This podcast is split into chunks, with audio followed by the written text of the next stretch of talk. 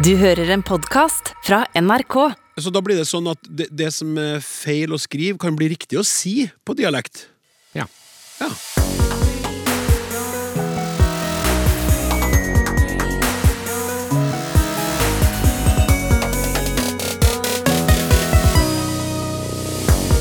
Jeg synes det er så merkelig at folk som burde kunne vårt språk, ikke klarer å bøye sterke verb, eller skille mellom transitive og intransitive verb, skriver en lytter til oss.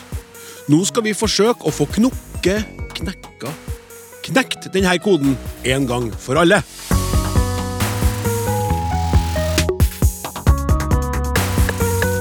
Programmet er Språksnakk. Jeg heter Klaus Sonstad, og du, kjære lytter, er som vanlig vår hedersgjest. Uansett om du i snakkende stund er på tur i skog og mark, sitter ved kjøkkenbordet med en kaffe eller er ute i garasjen og pludrer med et hobbyprosjekt, så skal du i løpet av den kommende timen blant annet få vite mer om transitive og intransitive verb, hør hva statsmeteorolog Rafael Escobar Løvdahl sier om sitt forhold til språk, og finne ut om det engelske navnet på eikenøtt, acorn, har noe med ekorn å gjøre.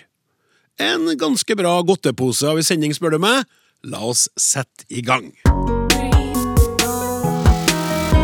Husker du da du sprang rundt som barn? Det var liv og leven, og plutselig så skjedde et uhell. Brått var den fineste greina på mamma sin rosebusk knekt. Da den skyldige skulle pekes ut, så var det kanskje subjektet, altså hvem, som knekte knakk greina, som var det viktigste. Objektet, altså greina, var jo åpenbart og knekt. og nå, kjære alle fremmøtte, så kommer vi til kjernen i dagens spørsmål. Verbet og hva det fører med seg. Jeg vet ikke om vi i løpet av de kommende minuttene vil klare å knekke verbordklassen, men vi skal gjøre et grundig forsøk på å se på noe av trøbbelet et verb kan by på.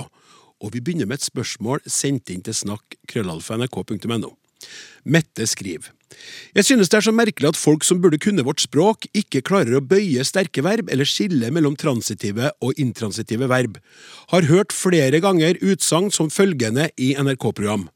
De knakk koden, han brant brevet, hun har knukket armen. Til og med i skjønnlitteratur, skjønnlitteratur syndes det. Han hang jakka på veggen. Er det språkøret som forvitrer mer og mer, også hos forlagskonsulenter?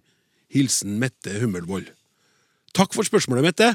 Jeg er så glad for å kunne si til deg og alle andre som hører på, at det ikke er jeg som skal svare på det her. Alle er glad for det! Redaksjonen min til og med. For her sitter språkforskerne Terje Londal og Anne Dahl, som begge har sitt daglige virke ved NTNU i Trondheim. Vi tar det med dem, og vi begynner fra toppen. Hva er transitive og intransitive verb, Anne? Det er rett og slett eh, forskjellen på om et verb trenger et såkalt direkteobjekt. Eh, og da er det sånn at noen verb må du på en måte gjøre med eller mot noen andre eller noe annet, mens noen verb må du ikke det med. Så et transitivt verb er et sånt verb der du må ha med noen som vil bli gjort med eller mot. Det må ha et såkalt direkteobjekt. objekt. så for eksempel så kan du si at å kjøpe er et transitivt verb, fordi at du kan ikke bare kjøpe. Du må kjøpe noe. Jeg kjøpte et brød. Et brød er et direkte objekt. Mm, så hvis du blir ringt opp, og så spør vedkommende hva gjør du? Jeg kjøper. Veldig rart. Mm. Veldig, veldig rart. Helt korrekt. Da sier du jeg kjøper masse ting jeg ikke har bruk for på nett.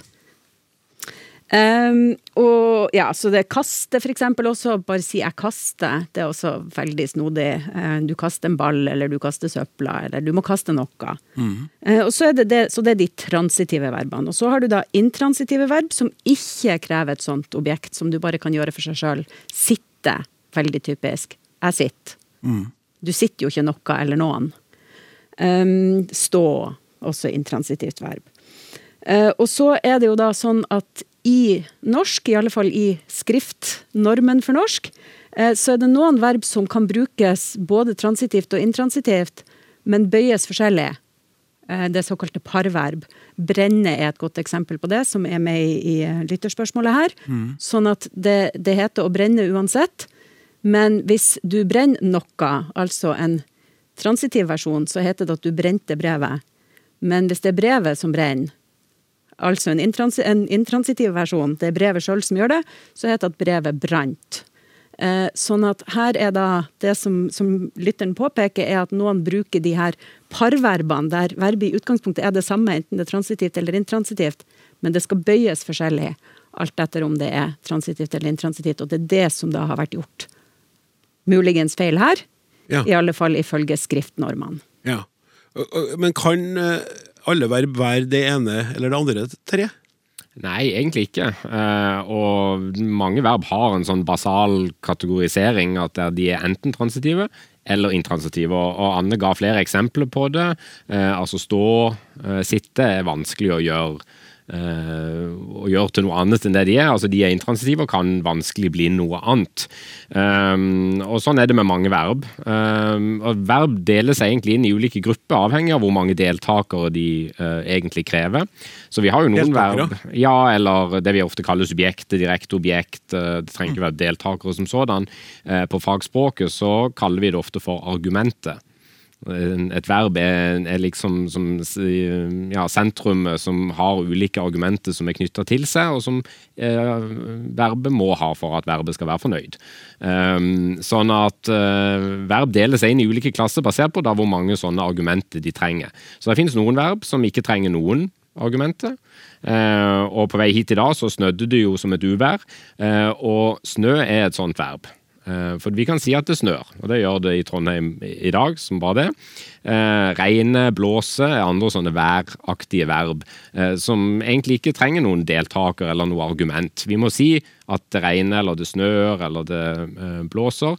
Men dette det betyr egentlig ikke så veldig mye, det er bare der fordi at norsk har et merkelig krav om at alle setninger må ha et, et synlig subjekt. Så disse verbene er på en måte veldig basale og veldig enkle, fordi at de, de krever egentlig veldig lite. De blir fort fornøyd, for å si det sånn. Um, og så har du intransitive, som da må ha ett. For det må være noen som står, det må være noen som sitter. Du kan ikke bare si 'sitter'. Da skjønner du ikke hva det betyr. Uh, og Her er jo mange andre språk i verden forskjellige. De som kan spansk eller uh, uh, italiensk, vil jo vite at de språkene oppfører seg annerledes. Der kan, trenger man ikke si eh, høyt hvem det er som gjør det ene eller det andre. Um, og så, så da har vi eh, nullverb, altså de som snø og regn og sånn. Og så har vi de som er intransitive, og så har vi de som er transitive. De trenger to, ikke sant? Da må det være Anne sparker ballen. Sparke krever to. En som utøver det, og noe som blir sparka. Um, og så kan man jo da lure på ja, kan det være flere.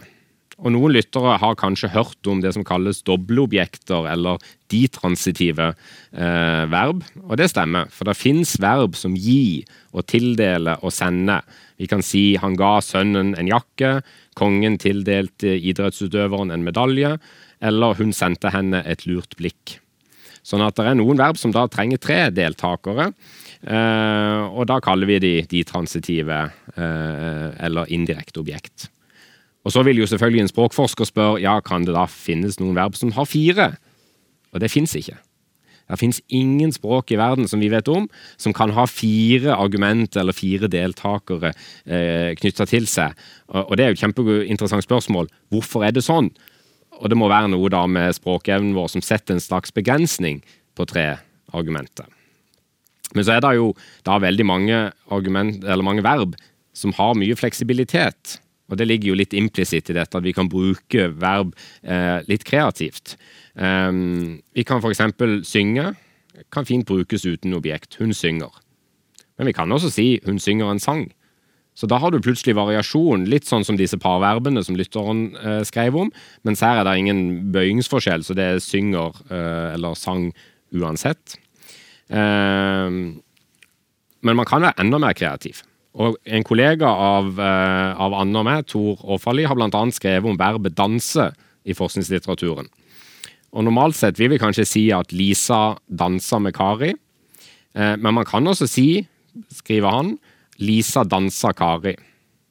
Hæ? Ja, han mener at det, eh, det er gangbart. Eh, men gjerne med fortsettelsen, eh, sånn at setninga blir Lisa danser Kari som Kari aldri har blitt dansa før. okay, ja. Og da høres det bedre ut for de fleste. Ja, da sving- da Eh, det mer. Da, da svinger det absolutt mer. Eh, og et autentisk eksempel som Årfalli har, har funnet, som noen har sagt også, er eh, følgende eksempel. Den kvelden dansa jeg med en kjæreste. ja. Så da fikk du altså en kjæreste gjennom dansing. Eh, og det har, kan vi jo virkelig snakke om fleksibilitet her. Ja. Sånn at vi kan bruke disse verbene ganske kreativt og utfordre denne kategoriseringen som vi har gitt de. Så selv om vi kan lese at noe er transitivt eller intransitivt eller ditransitivt og bli litt svimmel av det, så kan vi også pushe de og gjøre oss enda litt mer svimle. Fordi at vi kan få noen verb til å bli, skifte kategori, da. Ja, er det det som gjør eh, verbklassen til en, til en spesielt rotete og vanskelig ordklasse? At det er så fleksibelt og så mange Ja, jeg vet ikke om vi skal kalle den spesielt vanskelig eller rotete. Nei, det kan jo selvfølgelig ikke dere kalle den, eh, så klart. Jo, men vi kan, vi kan kalle den det vi, når vi ikke En, liker spenn, en spennende, Eller en kompleks. kompleks eh, kompleks Spennende og kompleks ordklasse. Det er jo det der med at den på en måte er det som, som på en måte setter kjernen i setninga og tiltrekker seg de her andre del deltakerne som gjør verbene så spesielle. At det er verbet som bestemmer hvem andre som får være med i setninga i så stor grad. Jeg syns det er så hy hyggelig det, det ordet 'deltakerne' i denne sammenhengen. da. Mm. Og det du sa i sted om verb, at de trengte De trenger noen kjernedeltakere eller argumenter. Ja. Eh, og det er, jo, eh, det er jo også interessant, fordi at da er det noen ting de ikke trenger. Eh, og, og noen lyttere som er særlig oppvakte uh, språk, eller har særlig oppvakte språkhøre, vil kanskje lure på ja, hva med setninger som denne? Han ga sønnen en jakke i går. Er det ikke fire deltakere da, eller fire argumenter, eh, kan du spørre. Eh, men svaret på det er nei. Eh, fordi at i går er ikke noe som man må ha. Det er noe som vi kaller et adverbial i skolegrammatikken. Og disse sier jo gjerne om når noe skjer, hvor noe skjer, eller hvordan noe skjer. Sånn at vi kan jo si han ga sønnen en jakke, og det er jo en helt fin setning. Og så kan vi velge å si at det skjedde i går. Eh, Men vi kan jo legge mer, til mer informasjon. Vi kan si han ga sønnen en jakke i går på kjøpesenteret fordi han hadde lyst. Så vi kan jo bygge ut setningen med masse tilleggsinformasjon. Og dette sier, den tilleggsinformasjonen sier jo litt om verbet, men den er ikke obligatorisk. Det er, vi, vi kan velge å legge den til, men den må ikke være der. Um, og Derfor så er disse, lager vi dette skillet mellom disse adverbene og argumentene. Fordi at argumentene må være der. Verbet blir veldig opprørt hvis ikke det får uh, den informasjonen det trenger. Mens at verbene er liksom sånn uh, ja, uh, strøssel på kaka, eller, hva man, eller glasur på, på kaka, som man kanskje heller skal si. Eh, så man kan velge å legge på hvis man vil, men man må ikke ha det. Men vi må unngå å opprøre verbet. Absolutt, Ja. det er viktig. Ja. Det har jo blitt forska en del på hvordan barn lærer verb. Og her går det også an å la seg underholde, Anne. Det gjør det jo absolutt. Eh, De fleste som nå kjenner eller har kjent et barn, har jo helt sikkert eh, hørt f.eks. for eksempel sånne ting som at eh, jeg gådde, jeg gådde hjem i går, eller sånne ting. Så det som vi særlig vet om, om barn når de lærer verb, er at de kan slite litt med, eller benytte seg av bøyninger av verb som ikke er helt sånn som, eh, sånn som eh, voksne bruker dem. Og det, det kommer inn på det her med, med sterke og svake verb, som lytteren også nevner. At vi har eh, svake verb i norsk som bøyes såkalt regelmessig. Da er det store klasser med verb som bøyes veldig likedant. Og så har vi sterke verb som er sånne verb som har en uvanlig bøyning. Eh, og det vi vet om barn fra så vidt jeg vet alle språk som har sånn, sånn type skille, er at de har nå en tendens til å begynne ut med å bøye alt svakt eller regelmessig.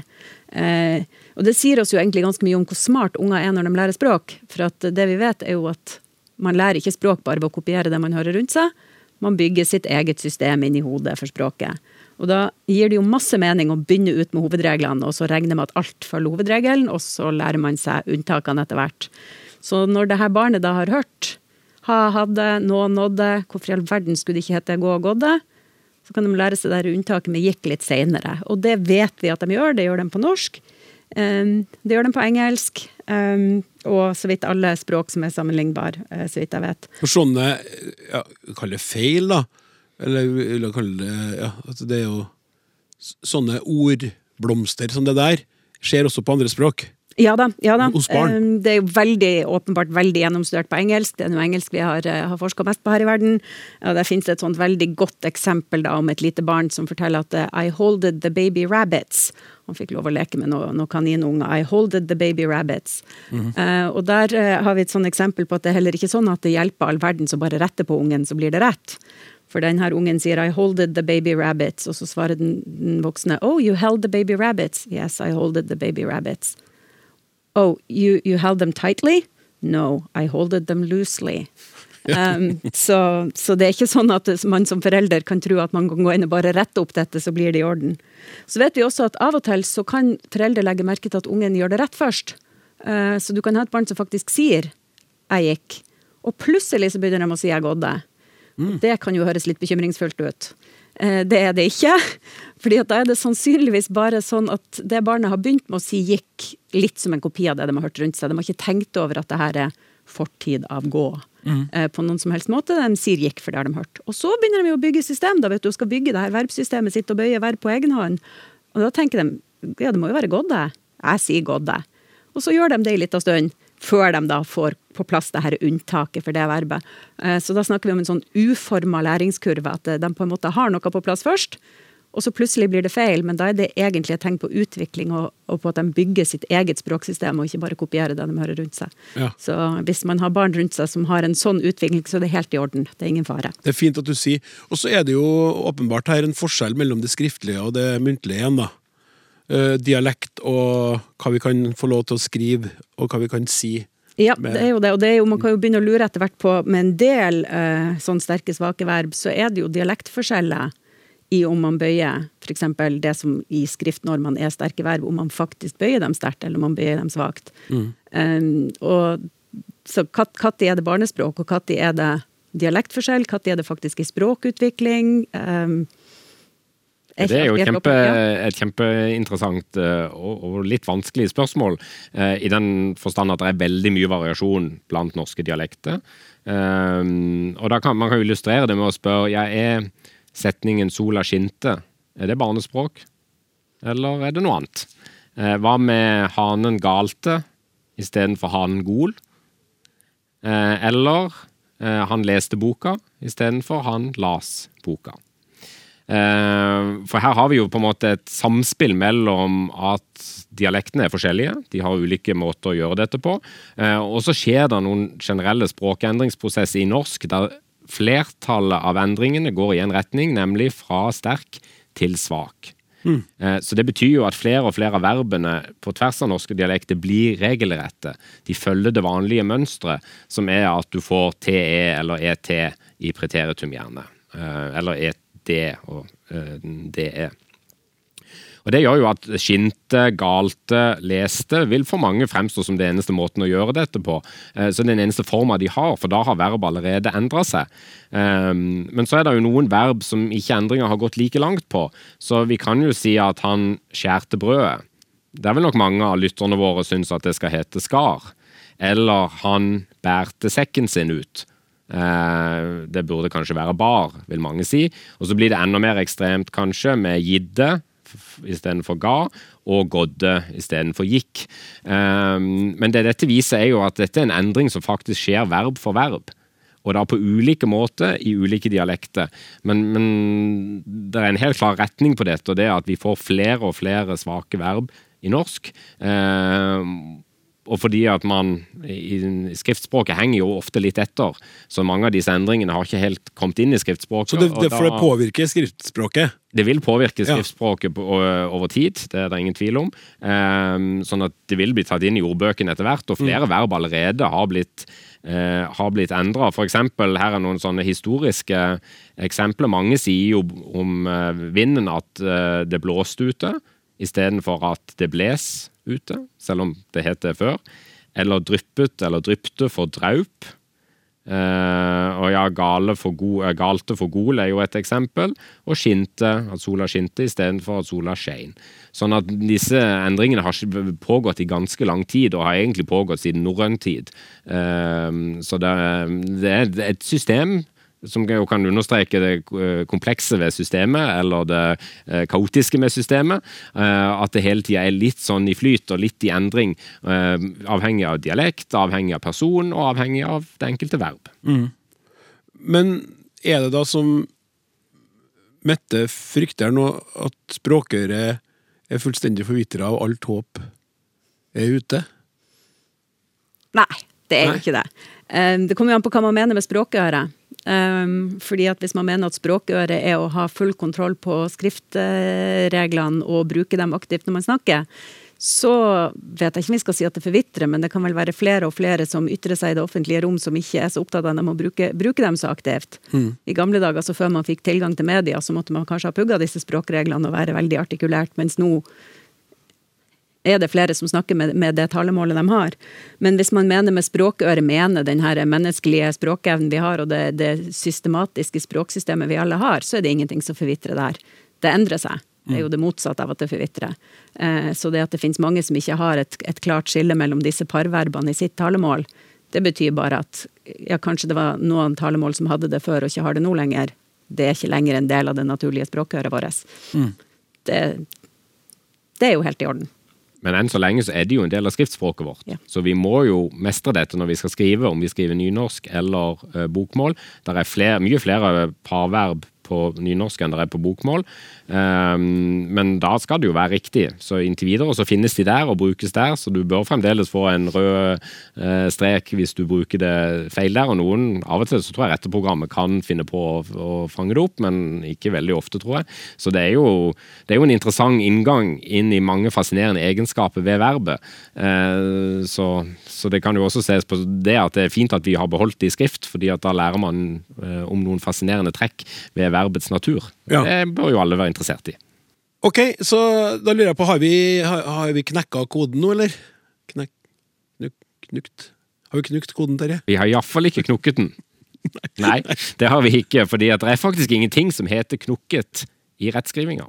Nei. Selv om mange tror det, og du ser formen i skrift eh, stadig vekk, eh, og du hører den veldig ofte, særlig blant yngre mennesker som gjerne vil snakke korrekt bokmål eller riksmål, eller som, som tror at de gjør det naturlig.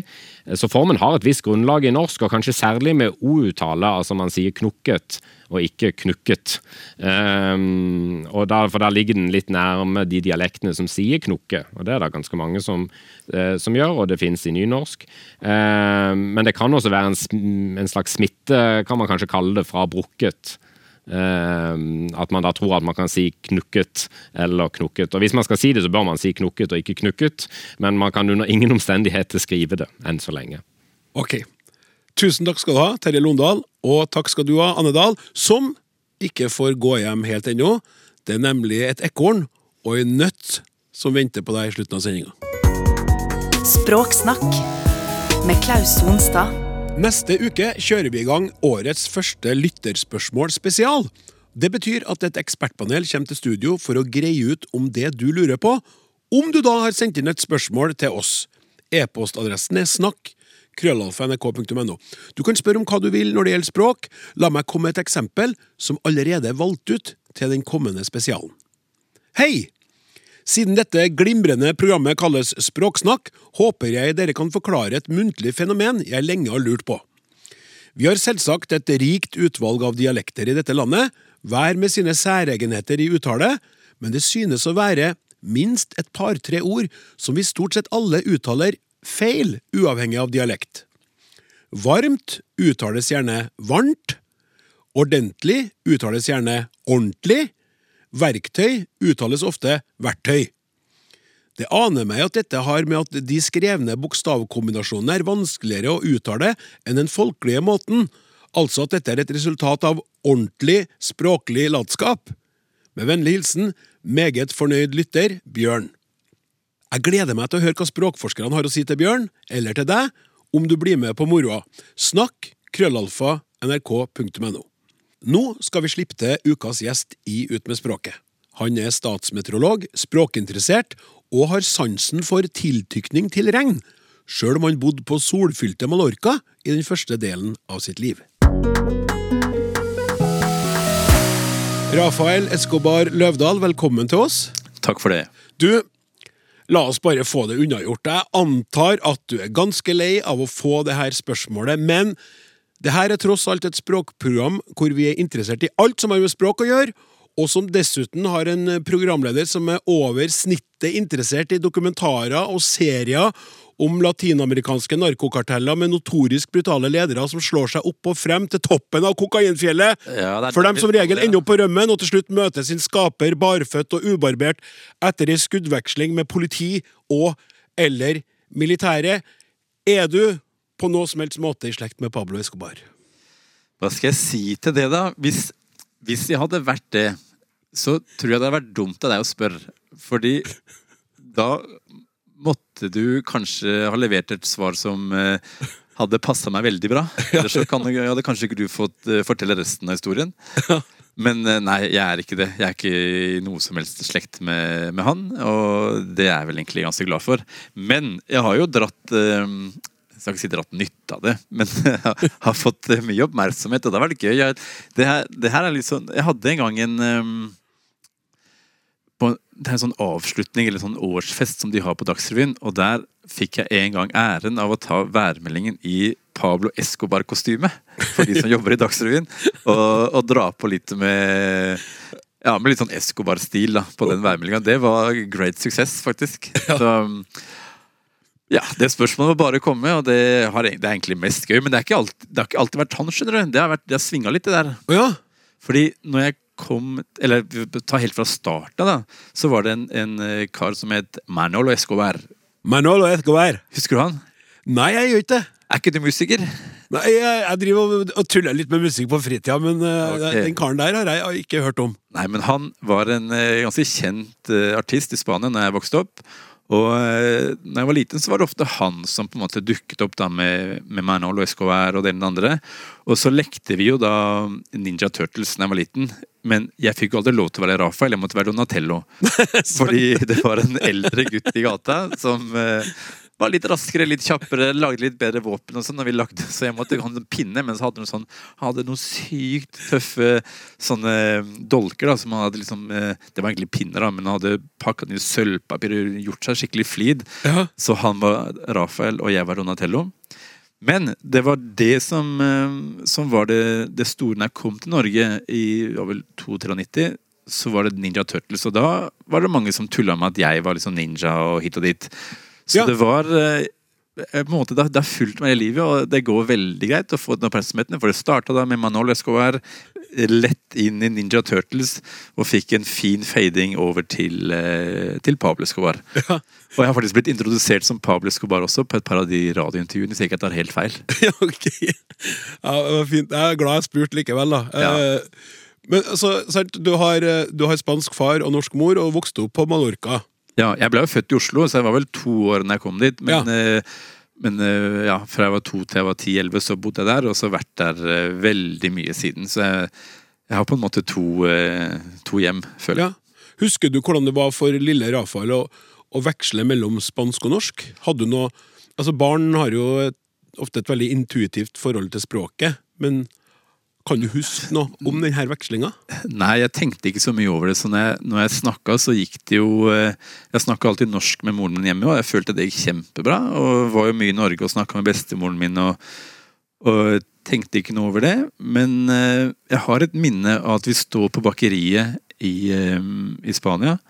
Eh, Vi bor i sånn, eh, sånn, det er sånn flere blokker med en liten eh, bakgård i midten. var det veldig fint, Og i første etasjene på alle de blokkene så er det litt forskjellige butikker. det et bakeri der.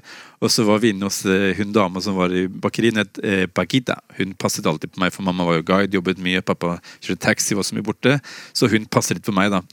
Så sto vi der, og så skulle hvis jeg skulle fortelle mamma noe som hadde skjedd, tror jeg. Og da sto jeg og Pakita og mamma der, og så snakker vi om at eh, jeg har så vondt i radiesene', sa jeg. Og man bare Hæ? Jeg har så, jeg har så vondt i rad radiesene'. Og bare Du mener kne? Kne er det, ikke sånn Kne, for jeg husker ikke hva, hva kne var på norsk. Okay. Og jeg tenkte ikke noe særlig over det, jeg bare snakka, og da, da kom det, det ordet inn. For da var jo ikke For meg så var jo kne kne, om det var på spansk eller norsk, eller hva det var, så var det jo Det, det betyr jo det samme, det er bare en, bare en mottaker som er, som er forskjellig, da. Ja. Um, men men da, du, da du flytta til Norge Ja. som 10-11-åring, hva husker du best eh, da, med, med det å komme til Norge? Altså tenker jeg litt sånn språklig, da. Ja, det jeg husker da, var at det, det ble en, eh, en litt sånn hermelek. Og måtte hele tiden etterligne det språket jeg hørte, for å, eh, med å passe inn. For, for meg så ble språket en veldig eh, Det ble på en måte For jeg ser veldig norsk ut. Og du kan på en måte ikke Jeg er litt lav, kanskje, men eh, bortsett fra det så, så ser jeg veldig norsk ut. Så det, min måte å ikke passe inn på Norge, det var da å snakke litt annerledes. For det gjorde jeg nok når jeg kom hit. Jeg hadde nok litt sånn rar lyd. Og det som skjedde når jeg kom til Norge, var som sagt, mamma var jo guide i Spania. Og så var det et svømmelag fra Alta som var på besøk i Spania. Var der på treningsleir sikkert, og jeg lekte veldig mye med en som heter Petter Andreas. Eh, Petter Andreas Carlsen, faktisk. Han er jo musiker, han. Lager masse filmmusikk fra Alta. Ja. Eh, men jeg og han, vi slo det Vi fikk en veldig god tone og lekte masse, og han snakker jo Alta-språk, eller Alta-dialekt. ja. Og da lærte jeg det av han, så jeg snakka jo med han, og jeg husker liksom jeg sa ka og litt sånn forskjellig. ja. Og den sommeren før jeg skulle flytte til Norge, så dro jeg og mamma opp til eh, Alta. Var sammen med de sikkert et par uker der. Så når jeg da kom til Norge for godt, da som tiåring, så var det jo alt jeg hadde lekt på meg. Så de barna som var på Sørlandet, syntes det var veldig rart at nå skulle han eh, spanske fyren som kom, snakke nordnorsk. For de hadde jo møtt ham mange før. Og da snakka jeg jo kav Sørlands, for jeg herma etter de da. Og nå var det plutselig Alta-dialekt. Men det varte jo bare et par uker, da, så var det jo rett tilbake på ikke og eh, ja, kan jeg leke med du og sånne ting. da. ja. For det, Leke for med det, du, ja. ja, for det sier man der. Man sier ikke 'kan jeg leke med deg', nei, 'kan jeg leke med du'. Ja. Det bli med du hjem, sier man. Så da var jeg rett på det. Men var det ikke også at eh, det at du hadde du- kom hjem til Norge med Eller kom til Norge Du har, du har det er jo like mye hjem der, men kom til Norge med et ganske godt uh, vokabular av kraftuttrykk. Spanske Jo, sådanne. Men du, mang, du mangla litt norske. Ja, det var sant. Og der, der har jeg et minne faktisk med Peter Andreas Carlsen. Vi er på en sånn en eh, eh, Det her er i Spania, hvor vi er på en sånn spill, eh, et spillsenter hvor de hadde masse sånne flipperspill når vi var barn. Og da husker jeg liksom at når han spilte, så lir han av seg masse for sånne uttrykk, da, men jeg skjønte ikke helt hva det gikk på. Men i den heisen på vei så gikk det opp for meg at det, det er mye lettere å uttrykke seg på spansk. Jeg, har mye, jeg kan liksom dra på mye mer på spansk enn jeg kan på norsk. Der var det bare et par av de. Og det merka da jeg kom til Norge, at hvis jeg skulle liksom dra opp med de store, eller si noe som var skikkelig dumt, eller være sint, eller uh, hva det var, så, så, så kom jeg litt til kort. Det var liksom ikke noe uh, Det var litt vanskelig å lage bilder med de ordene jeg kunne på norsk. Nå har det kommet seg ettertid. Eh, Jeg har jo skjønt at det fins jo bra med banneord på norsk òg, men uh, jeg følte jeg hadde mye kraftigere saftuttrykk da, på spansk enn jeg hadde på, på norsk den gangen. Altså, Moderen må ha jo oppdratt deg veldig pent da, og gitt deg et sånt fint norsk språk uten styggord og sånn. Helt sikkert. Jeg, men eh, som sagt, det var et møte med en Alta-gjeng der som fikk litt fart i de tankene der, for de kunne jo bannes. Så de dro jo på, men jeg, jeg skjønte det ikke, eller lærte ikke fort nok, tror jeg. Og de, de passa seg sikkert litt. Men vi spilte jo jeg husker det, ja, Petter André spilte Amiga. Eh, Er det ikke Amiga 500 eller noe? Hadde han sånt et eh, motorsykkelspill. Ja. Og da husker jeg at uh, han kunne dra på litt, men for meg så var det liksom ikke Jeg kunne liksom ikke det. Så jeg, jeg, jeg, Søren Klype. ja, det var litt der, altså. Det var litt der. Men jeg hadde vært på spansk, så kunne jeg virkelig ha dratt på. Ja. Hvordan er kvaliteten på spansken din i dag, da? Eh, den har jo blitt litt eh, verre med åra. Det, har den jo- det har den jo blitt. Og det som har eh, skjedd, er jo at når man snakker spansk, så må man lage litt eh, andre lyder. Og når jeg kom ned nå for eh, ja, Pga. Pandemien så fikk jeg ikke vært der på to år. Og det jeg merker at hjernen går fortere enn tunga. Så at jeg klarte ikke helt å lage de lydene jeg vanligvis lager. Det gikk litt for fort i hodet. Det kom ikke helt ut. Har du eksempel på noen sånne litt annerledes lyder, noen ord? Jeg, jeg, elsker jo spansk, så kan du ikke bare by deg på? Eh, klarer ikke å si. Eh, det som er litt vanskelig, er hvis man Eller man hører det kanskje ikke, men hvis man sier eh, eksempel eh, caramelo Ja, caramelo. ja, ikke sant? Når man, skal, når man snakker spansk, så må man på en måte dra på litt eh, mer, åpne munnen mer og si 'caramello', hola, ¿qué tal? ¿Cómo estás? Eh, Va todo bien? Eh, mens hvis man da er på norsk, så kan det liksom bli eh, hola, ¿qué tal? Eh, Va todo bien? Det, det blir liksom du, du må på en måte Hva skal man si? Språket påvirker litt eh, væremåten min, da. Jeg blir, jeg blir mye mer sånn Hva skal man si? Fy, fyrig? Ja, jeg, vet, jeg vet ikke om det er det som er ordet, men litt, litt mer sånn Ta litt større plass, er litt Ja. mer på. Eh, Vifte litt med armene. Eh, I det hele tatt så, så, så preger eh, det spansken ja, Det preger meg på en måte at jeg endrer meg litt i hvordan jeg er. da. Fordi Det ikke-verbale følger veldig tett på. Ja, det gjør det. Og så er det kanskje noe med hvordan man Når jeg er der nede, så er jeg jo er jeg kanskje litt annerledes. Det er litt mer sånn åpent. Man er, jeg var mye på stranda, lekte med alle mulige barn i alle mulige aldre. I voksentid så jobba jeg mye fram og tilbake med mye forskjellige folk. Uh, ja, Ja. jeg tror kanskje at uh, det er litt av det òg, at jeg er vant til å være i en litt annen setting enn jeg er i Norge når jeg er der nede, og derfor så snakker jeg litt på en annen måte enn jeg gjør når jeg er her. Det kan nok eh, være, og så, påvirker det litt, eh, om ikke den grunnpersonligheten, så blir det en Så er jo språk en, en stor del av hvordan man eh, fremstår, og hvordan man får måtte, vist at man er. Mm. Så jeg tror kanskje det påvirker meg litt, det der, at jeg blir litt annerledes når jeg snakker spansk. Har du noen gang meldt været på spansk? Det er vanskelig, fordi det er jo ikke noe uttrykk jeg eh, pleier å omgis meg med. Der er det mer sånn. Så, sånne ting. Eh, så jeg har ikke Hva sa, hva sa du der? Eh, jeg sa hei, hvordan går det? Skal vi dra på stranda, er det fint vær? Ja. Det er litt som det der. Jeg har ikke den sørvestlig bris, økning til liten kuling, eh, regn og yr, tiltykning til regn. Jeg har ikke den på spansk. Nei. Men de ville vel sagt uh, eh, Nei, jeg vet, jeg vet ikke. Nei, det er greit. Det, som jeg, det, som jeg har, eh, det som jeg lurer på, er Ja. når, når var det du innså at vær var noe du virka å være eh, ekstra interessert i? Det har egentlig kanskje alltid vært der. Jeg bare ikke på en måte skjønt at man kunne studere det. For jeg husker Fra jeg var liten i, i Spania, så var jeg ute i tordenvær og, og kikka på, på det været. og husker En gang bestemoren min ble ordentlig sint, for hun ble litt redd sikkert for at det var eh, torden ute. og Vi var ute og sykla og styra i bakgården. og Da fikk jeg ordentlig kjeft, men vi tenkte at hvorfor er jeg så farlig? Det var bare torden, det er kjempegøy. Eh, og så husker jeg også på Gjeving, når vi var der, når det regna mye, så var vi ute og, og sjekka da um, overvann og holdt på i pyttene, hoppa ut i vannet av og til når det var litt sånn stri strøm. Så det har alltid vært der. Og, men at jeg kunne studere det, det visste jeg ikke før jeg var ganske gammel. Og egentlig tilfeldigvis kom over en bok på biblioteket hvor det var bilde av en stor bølge, og det var noen ligninger på den, som jeg ble veldig dratt mot. da, så etter jeg hadde lest den veldig fort, så ble jeg plutselig oppmerksom på at eh, jøss, det fins jo en, en hel viten bak dette med, med vær. Du kan bruke, du kan bruke matte til å forutsi fremtiden. Du kan beskrive det du ser på utsida ved ligninger. Og da, da var jeg nok sikkert 24-25 før jeg skjønte at det var en mulighet. Ja. Og nå er du statsmeteorolog. Ja, det gikk fort det der. altså. Når jeg først skjønte hva jeg, hva jeg Det var liksom et lys som gikk opp, det der. altså. Det var det. Det har alltid, alltid vært opptatt av været, egentlig, men jeg har aldri skjønt at jeg kunne studere det og, og på en måte leve av det. Det, det kom litt senere. Det meteorologis, meteorologiske språket er jo en egen sjanger, for å si det mildt. Ja, og det, men det er en grunn til det. Og det er at når man skal forklare hvordan været er for andre, så, så må man være presis.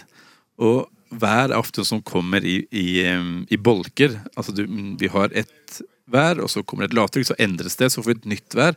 Så det vi gjør da, at vi, vi deler det ganske greit inn. Jeg, jeg tror vi kaller det for telegramstil.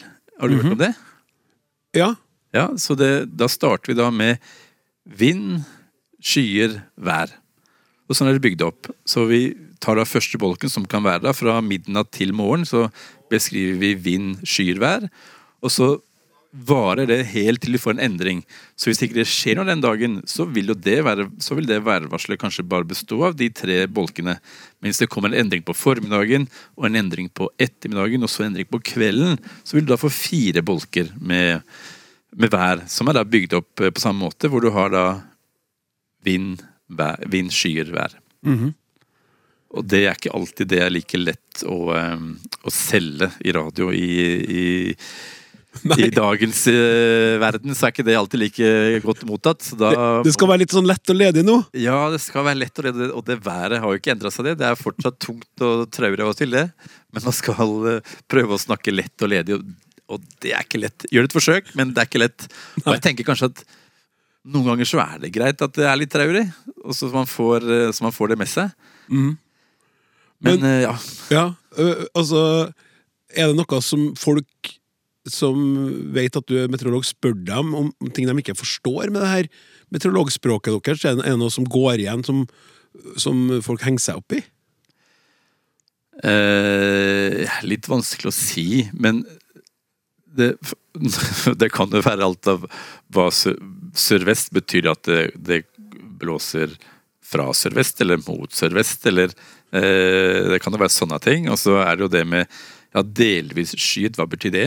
Og, og, Og lett bris og lett- mild bris? Ja, og, og flau vind. Ja. Flau vind går kanskje igjen. Ja. For den syns de folk er litt morsom, da. At det er noe som heter flau vind. Ja. Men det er jo bare en, en på en måte vindstyrke. Hvorfor den blir kalt for flau, det vet jeg ikke. Nei, det, det vet ikke jeg heller. Jeg kom på en billig vits, men jeg stryker den. Okay, Ok, ja. ja, ja. Du har, et, du har jo allerede nevnt det, det her yndlingsværuttrykket ditt. Ja. Ja, og Det liker jeg veldig godt sjøl, men du skal fortelle hvorfor du er glad i det.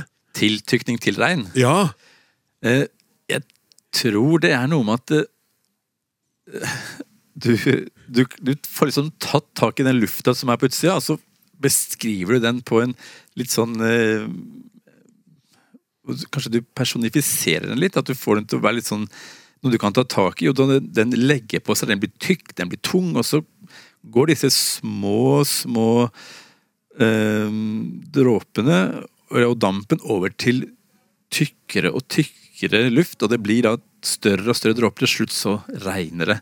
Og det er en eh, bare et bilde på noe dynamisk som endrer seg, og så er det det ordet da, tiltykning. Det er sånn tre sånn tiltykning, tre T på rappen der. Ja. Jeg, jeg tror det er noe med det, og hvordan det, hvordan det klinger òg, for det, det er noe med ord. Eh, om jeg liker ordet fordi det, hva det faktisk betyr, eller hvordan det låter. For jeg tror i dette tilfellet med tiltykning til regn, så er det det at det blir liksom tiltykning til. Så det er mye t-er. Eh, kanskje det er det som gjør det, i tillegg til at det er gøy. da. Ja. At du får denne lufta som blir da tjukkere og tjukkere. og tjukkere. Til slutt så klarer den ikke å holde på luft på, på fuktigheten, så må den bare kvitte seg med dråpene.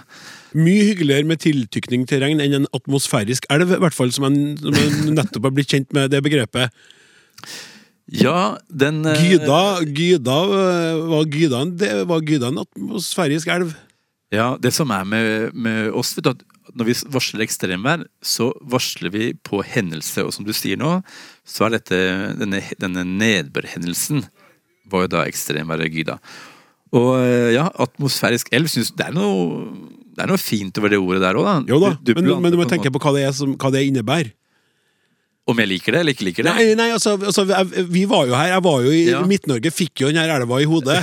så, så jeg syns også er et veldig fint ord. Ja. Men jeg syns tiltykning til regn og hva det betyr, er mye hyggeligere å tenke på enn hva atmosfærisk elv faktisk betyr, da, Rafael. For at jeg har nå fått føl føling med det. Så vi kan jo kanskje begynne å si en voldsom tiltykning til regn som brer seg over mange kilometer og kommer ned i bøtter og spann. En megatiltykning. Ja. Ja. Men så er det et uttrykk som du ikke er like glad i. ja. Hva er det?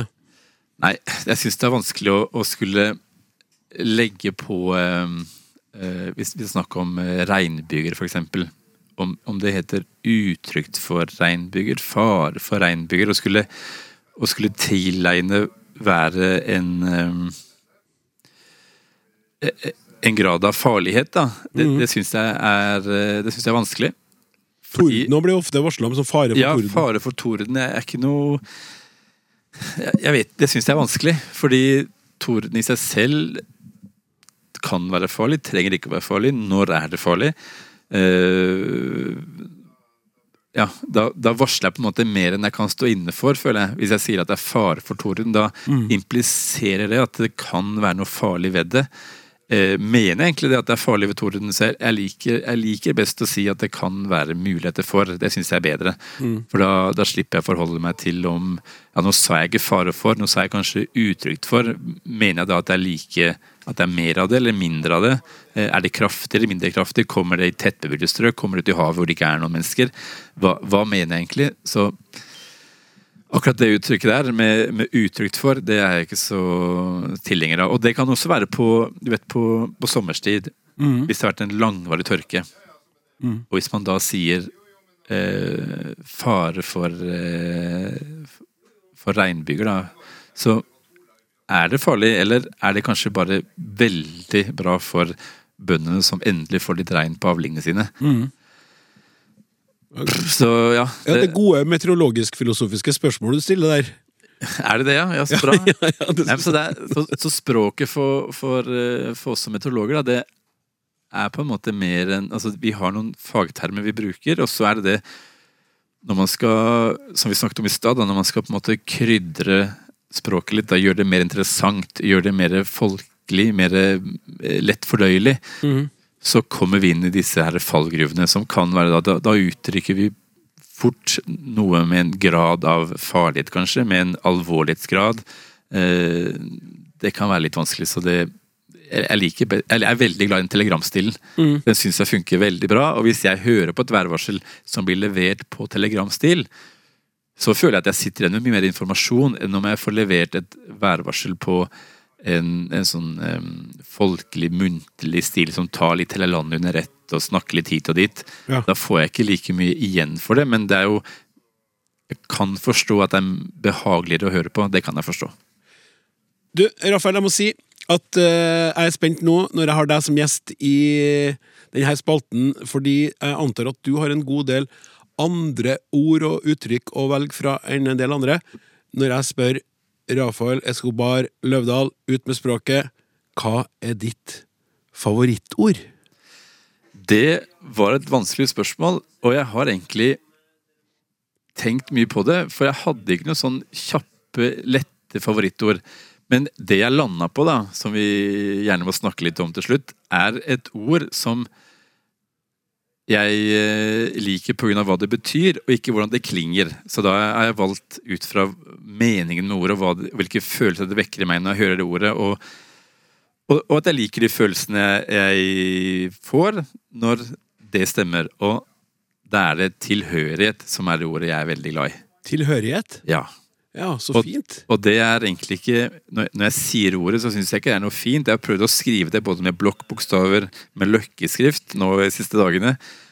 Og det er ikke så pent. Men selve betydningen av det er uh, veldig viktig for meg, og det, og det vekker noen følelser i meg, det ordet som uh, jeg liker godt å ha.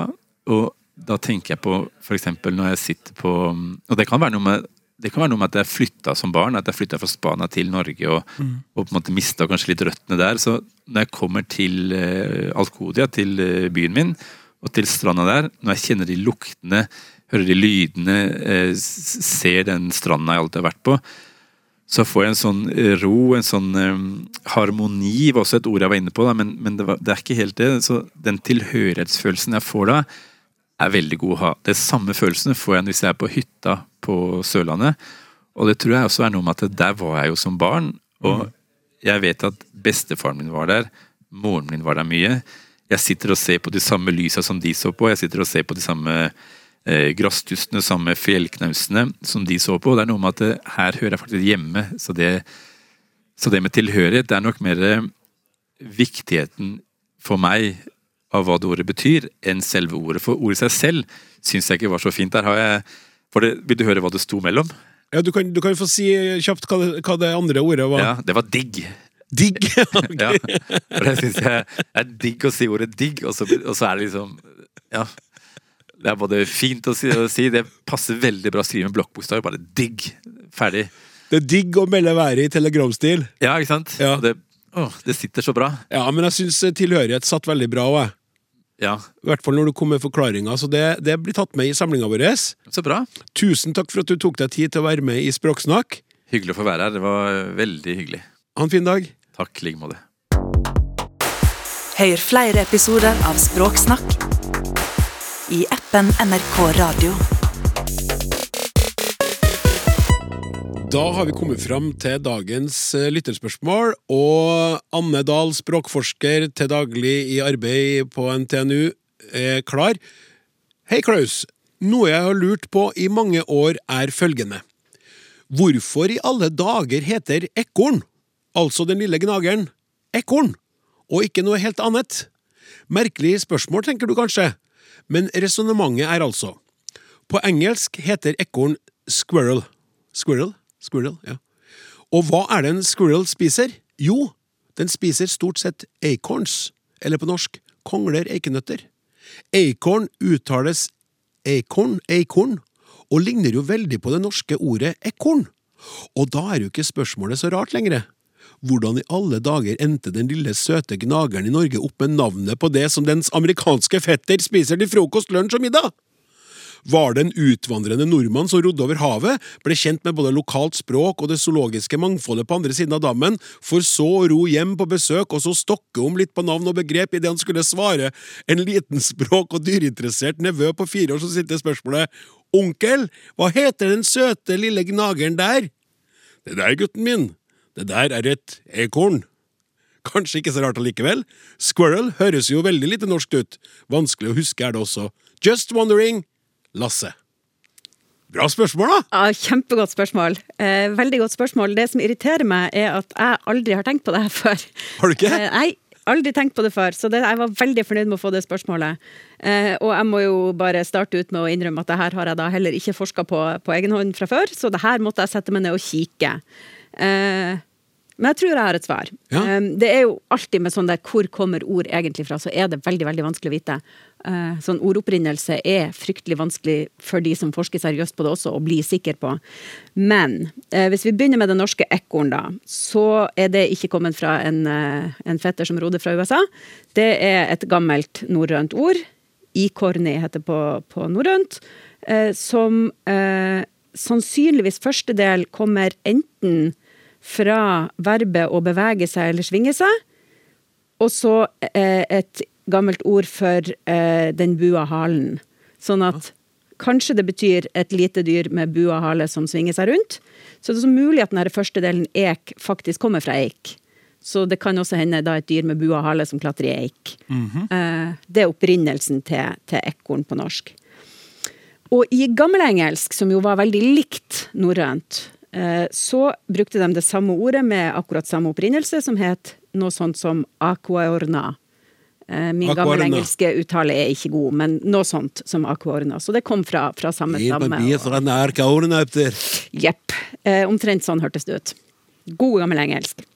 Um, og grunnen til at de ikke bruker det på engelsk lenger, at de sier squirrel isteden, som jo er litt snodig, det er veldig typisk engelsk. Engelsk gjør det med veldig mange ord. De har nemlig, vært og henta seg et ord fra fransk. Eh, og det gjorde de mellom den gammelengelske perioden, da norrønt og gammelengelsk var veldig, veldig likt. Og før vi kom frem til det moderne språket vi har i dag, der engelsk og norsk faktisk er ganske forskjellig, så hadde engelsk en periode som het mellomengelsk, og da var det veldig mye endringer som skjedde i engelsk.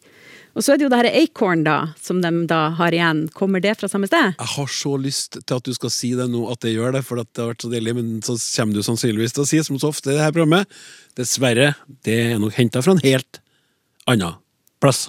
Jeg har litt god nyhet, for jeg skal si ja, men kanskje litt likevel.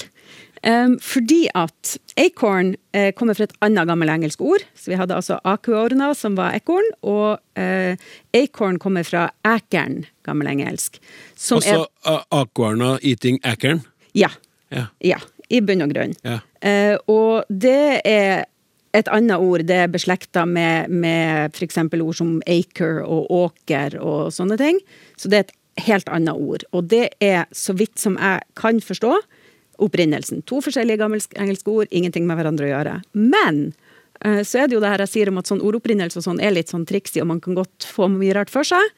Eh, Så det virker som over tid så har man i engelsk begynt litt i sånn folkeetymologien, eh, folkeinntrykket av hvor det her kommer fra. Så man begynte å as- assosiere det litt med eik, altså oak, og corn, altså corn from the oak, på en måte. Det her er kornet fra eika, som det jo er. Sånn at jeg har fått en sånn, ikke opprinnelig, men en litt sånn folkeidé om ei beslektelse med eik. Og siden da kanskje et av de opprinnelige ordene for ekorn hadde med eik å gjøre, kanskje, så kan det hende de har litt med hverandre å gjøre likevel. Men ikke opprinnelig, så vidt som jeg kan forstå. Ja, her tror jeg Lasse ble veldig fornøyd med eh, det svaret på spørsmålet sitt. Takk skal du ha. Språksnakk er straks eh, slutt for i dag. Syns det kan passe akkurat nå, siden vi var innom et engelsk spørsmål, å sitere eh, Nils Arne Eggen, som en gang sa My grammar is bad, but, but my meaning is good. Passer fint akkurat i dag. Språksnakk stenger straks for i dag. Martin Våge, Randi Lillealteren, Hilde Håbjørg, Hilde Sahl, Petter Gustavsen utgjør redaksjonen. Sammen med meg, programleder Klaus Sonstad. Vi snakkes! Du har hørt en podkast fra NRK.